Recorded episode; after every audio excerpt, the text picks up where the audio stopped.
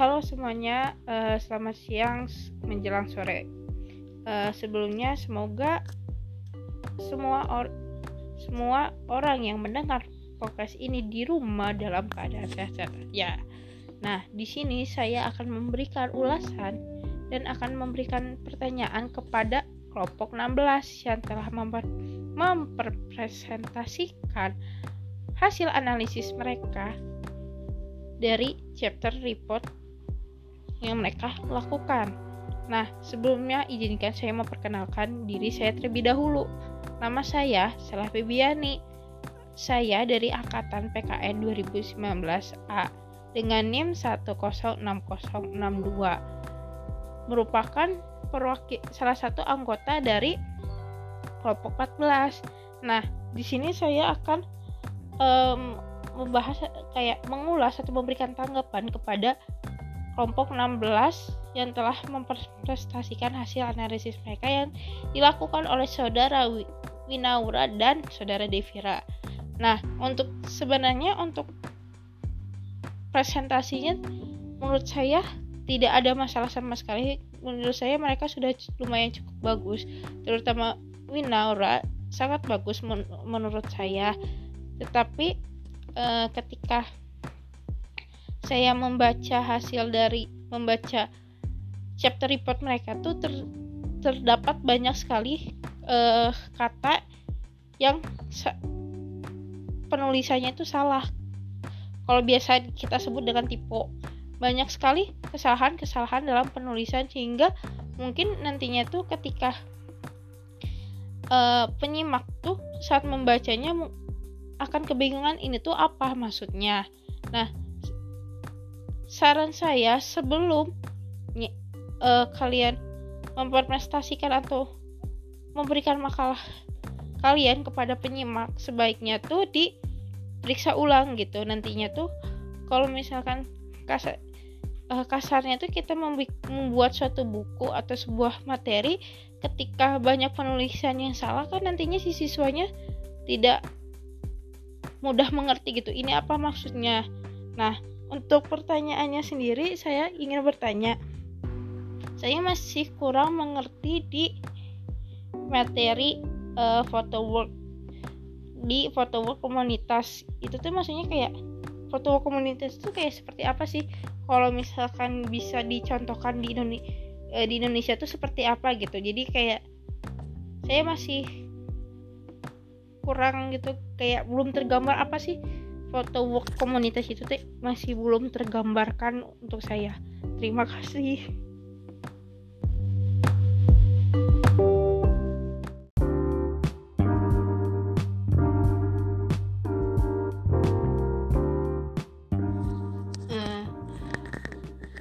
semuanya, uh, selamat malam. Pada episode kali ini saya akan memberikan tanggapan dan pertanyaan untuk kelompok 17. Di mana kelompok 17 itu beranggotakan Agnia dan Nasrul. Nah, sebelumnya izinkan saya memperkenalkan diri saya terlebih dahulu. Nama saya uh, Sheila Febiani dari PKN Angkatan 2019 A NIM saya yaitu 1906062. Di sini juga saya merupakan salah satu anggota dari kelompok 14 dari salah satu mata kuliah yaitu mata kuliah pendidikan ilmu pengetahuan sosial di mana podcast ini podcast ini dibuat untuk mengisi atau untuk memenuhi salah satu salah satu tugas dari mata kuliah tersebut. Nah, di sini uh, saya akan memberikan tanggapan kepada teman saya dari hasil presentasi mereka. Jadi penjelasan presentasi mereka melalui podcast menurut saya dari segi mereka menyampaikan materi tidak sebenarnya tidak masalah. Mereka uh, sama-sama menguasai materi yang mereka sampaikan. Cuman hanya saja sebenarnya tuh mereka tuh uh, kurang hanya dari ada beberapa poin dalam hasil analisis mereka kan jadi dalam satu bab itu kan ada kayak subbab-subbabnya itu. Nah ada beberapa subbab-subbab yang tidak mereka jelaskan. Nah, alangkah alangkah baiknya itu uh, dijelaskan karena bagi para yang para pembaca atau penyimak yang membaca makalah mereka sambil mendengarkan penjelasan melalui podcast mereka itu kayak bertanya-tanya. Penjelasan di uh, subbab ini mana subbab ini mana gitu. Jadi kayak alangkah baiknya itu dijelaskan semuanya gitu. Agar para pendengar atau penyimak tuh dapat mengerti benar-benar mengerti secara keseluruhan mengenai materi atau bab yang mereka analisis. Nah, untuk pertanyaan sendiri itu pertanyaannya untuk kelompok 17 saya ingin bertanya di situ ada suatu materi di mana materi itu di atau sebab e, membahas mengenai namanya itu kurikulum limbah. Nah selain itu juga dalam isi materi sebab tersebut tuh di kayak disinggung-singgung atau dijelaskan mengenai disinggung e, mengenai kurikulum eksplisit dan implisit nah kan di, di situ tuh di kayak dijelasin is kurikulum eksplisit itu kayak gimana eksplisit itu kayak gimana. Cuman saya pribadi masih kurang mengerti. Nah saya ingin kelompok 17 tuh menjelaskan mengenai uh, materi tersebut secara jelas lalu saya juga ingin uh, kelompok 17 memberikan contoh dalam kehidupan sehari-hari atau maksudnya itu di lingkungan sekolah kayak kurikulum ini tuh kalau di diimplementasikan atau dicontohkan tuh seperti ini ini ini seperti itu. Nah sebelumnya terima kasih telah mendengarkan podcast saya.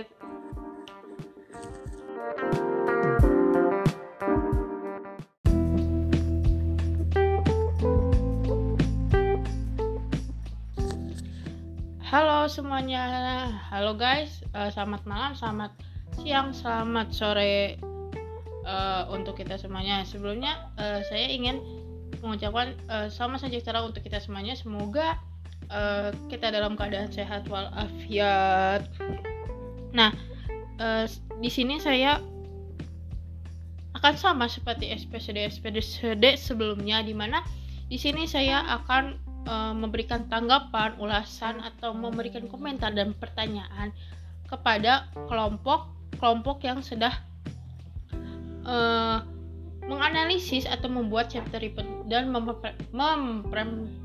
mempresentasikan hasil analisis mereka. Nah, di sini yang akan saya berikan tanggapan, komentar dan pertanyaan yaitu hasil dari kelompok 18 yang di mana yang telah dijelaskan oleh saudara Jati dan saudara Rizky. Nah, sebelumnya izinkan saya memperkenalkan diri saya terlebih dahulu. Nama saya Sheila Febiani dari Prodi PKN atau Pendidikan Kewarganegaraan di angkatan 2019A dengan NIM saya 1906062. Dan saya juga merupakan uh, salah satu anggota dari kelompok 14 di mana dari mata kuliah Pendidikan Ilmu uh, sosi ilmu sosial. Nah, uh, ini podcast ini pun merupakan salah satu tugas dari mata kuliah tersebut. Nah, di sini saya akan memberikan tanggapan kepada uh, kelompok 18 yaitu yang dianggotakan Rizky dan Jati. Nah, untuk dari segi presentasi dalam mempresentasikan hasil analisis mereka, uh, mereka tuh sudah menguasai materi yang mereka analisis.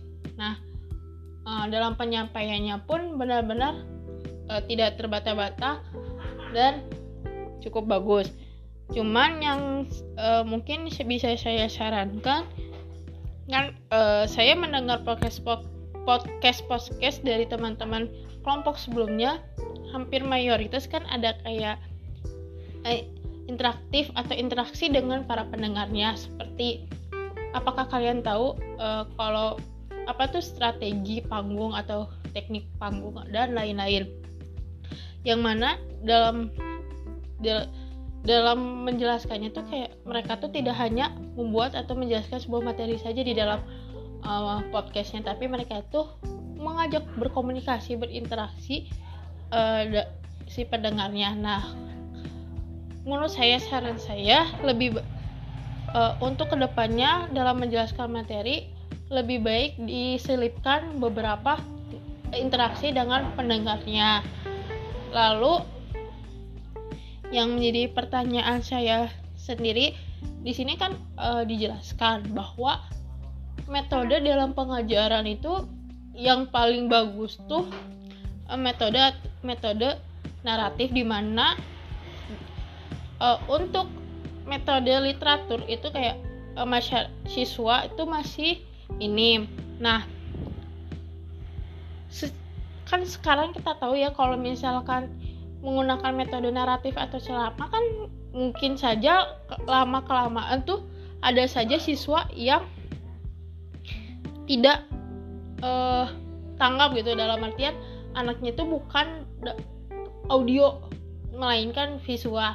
Nah, bagaimana sih cara menanggapi hal tersebut ketika kita menggunakan metode naratif atau metode ceramah tetapi ada anak yang tidak dapat mengerti uh, materi materi materi yang telah kita jelaskan kepada siswa. Nah, menurut kelompok kalian, bagaimana cara menanggapi hal tersebut? Terima kasih.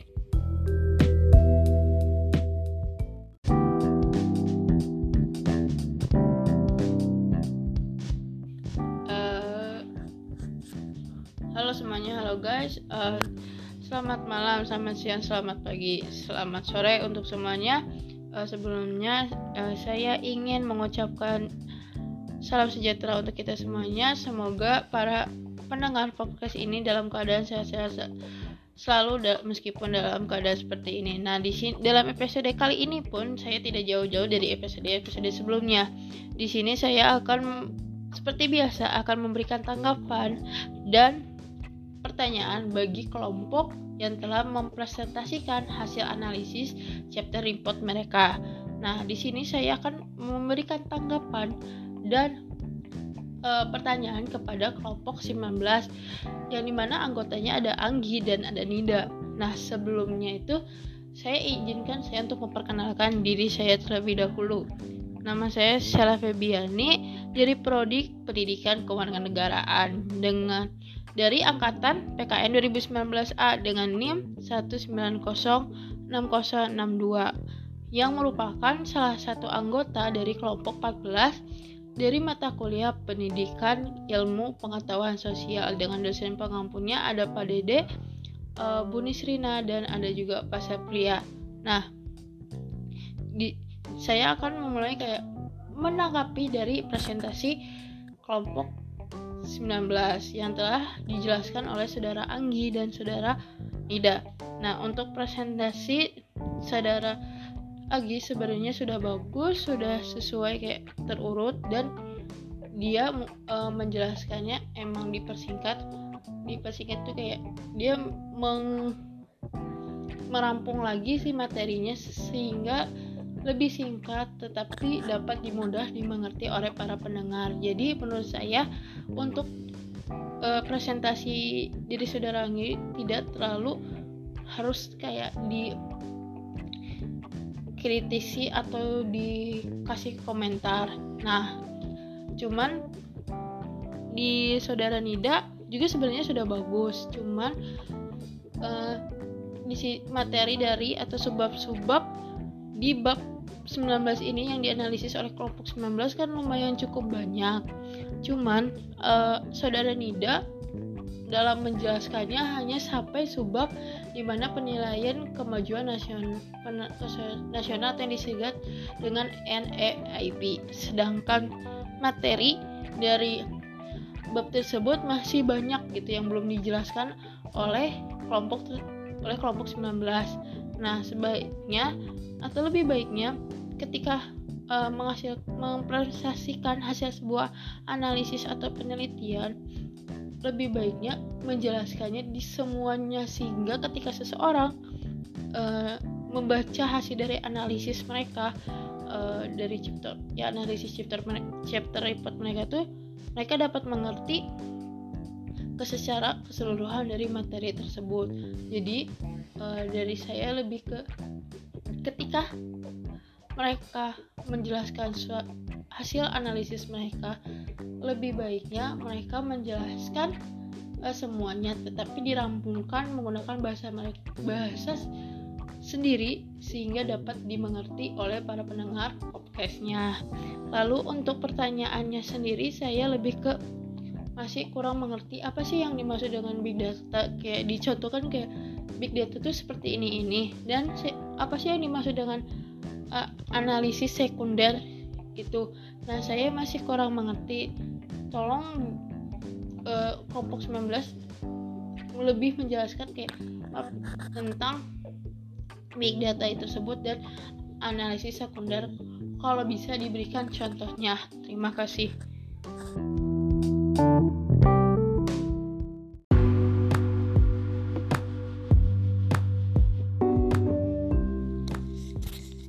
Guys, selamat pagi semuanya. Salam sejahtera untuk kita semuanya. Meskipun dalam keadaan seperti ini, semoga kita baik-baik saja. Nah,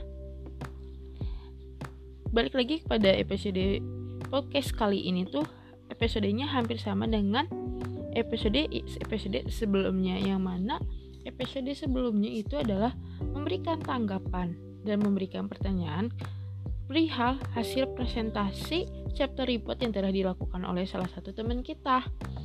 Nah, sebelumnya uh, izinkan saya memperkenalkan diri terlebih saya terlebih dahulu sebelum saya memberikan tanggapan saya dan pertanyaan saya untuk teman kita. Nah, nama saya adalah Sela Febiani dari PKN angkatan 2019A dengan NIM 1906062 dan saya merupakan uh, salah satu anggota dari kelompok 14. Nah, saya di sini tuh uh, akan memberikan tanggapan dan pertanyaan untuk kelompok 20 yang mana sebelumnya saya telah memberikan tanggapan saya dan pertanyaan saya untuk kelompok 20. Nah, kelompok 20 ini terdiri dari teman kita yaitu ada Debbie dan Tubagus.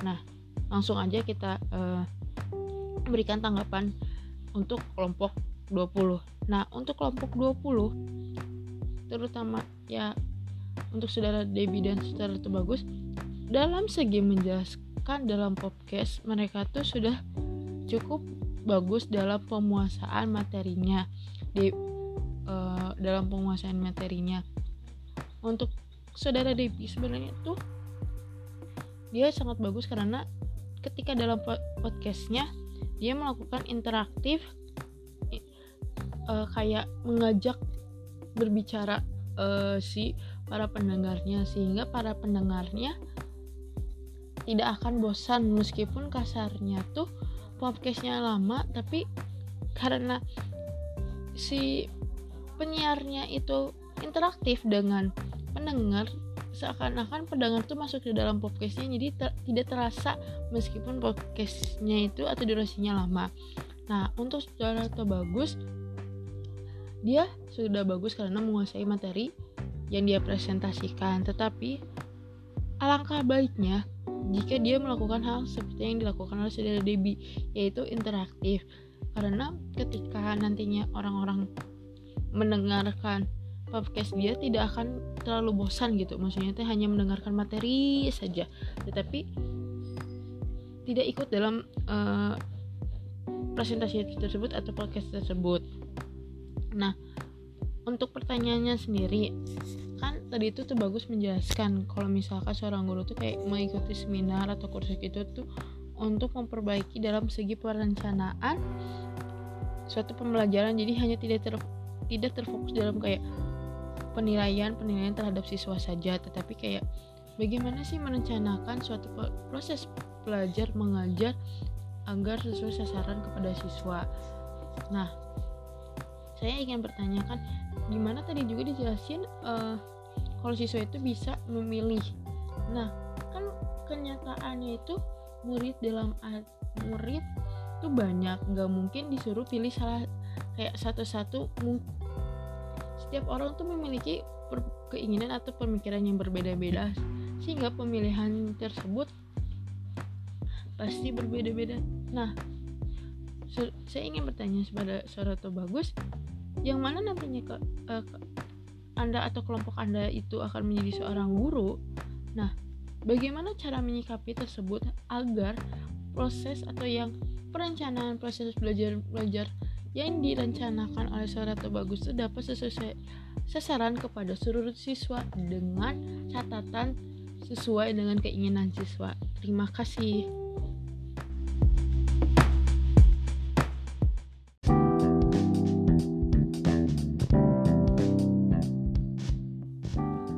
Halo guys, selamat pagi semuanya. Salam sejahtera untuk kita semuanya. Semoga dalam keadaan seperti ini kita dalam keadaan baik-baik aja ya.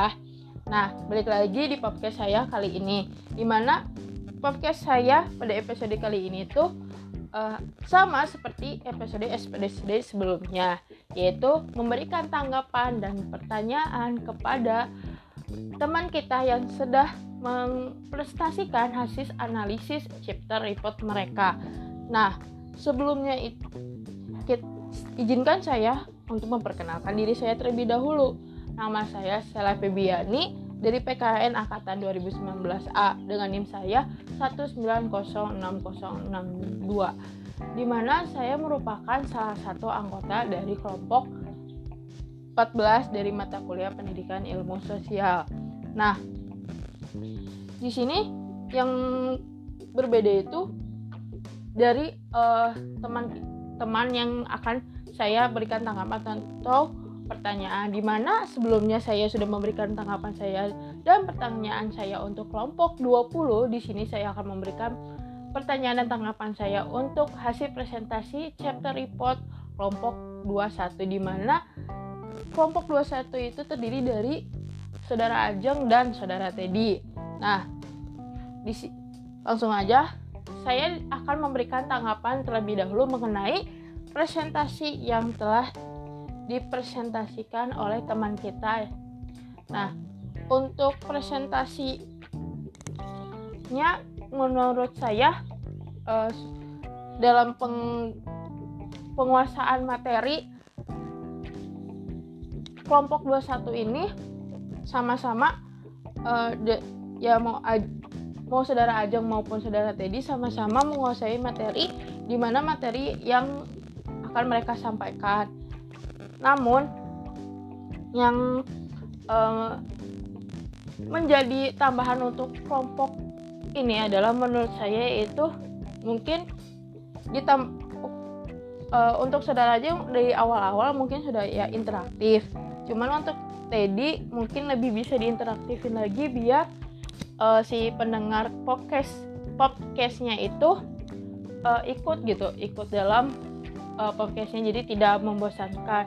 Nah untuk saudara Ajang mungkin tadi dia lebih banyak uh, uh, uh, ada kayak ada jed, banyak ada jeda atau bukan banyak sih kayak ada jeda di mana dia tuh mikir harus apa. Nah sebaiknya ketika uh, mau membuat suatu podcast lebih baik dipersiapkan terlebih dahulu benar-benar matang sehingga ketika dia menjelaskan materinya itu tidak ada jeda gitu. Maksudnya itu jeda, jeda ada jeda tapi bukan jeda kelihatan dia itu sedang berpikir.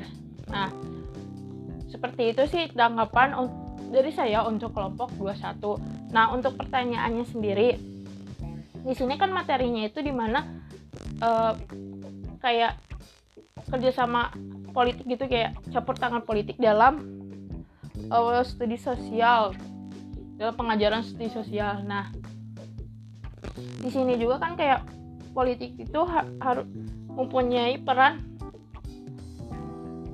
untuk memperkuat kualitas uh, si remaja menggunakan sejarah. Nah, di sini kan kalian itu yang akan nantinya itu menjadi seorang guru yaitu guru PKN di mana PKN itu berhubungan dengan politik juga.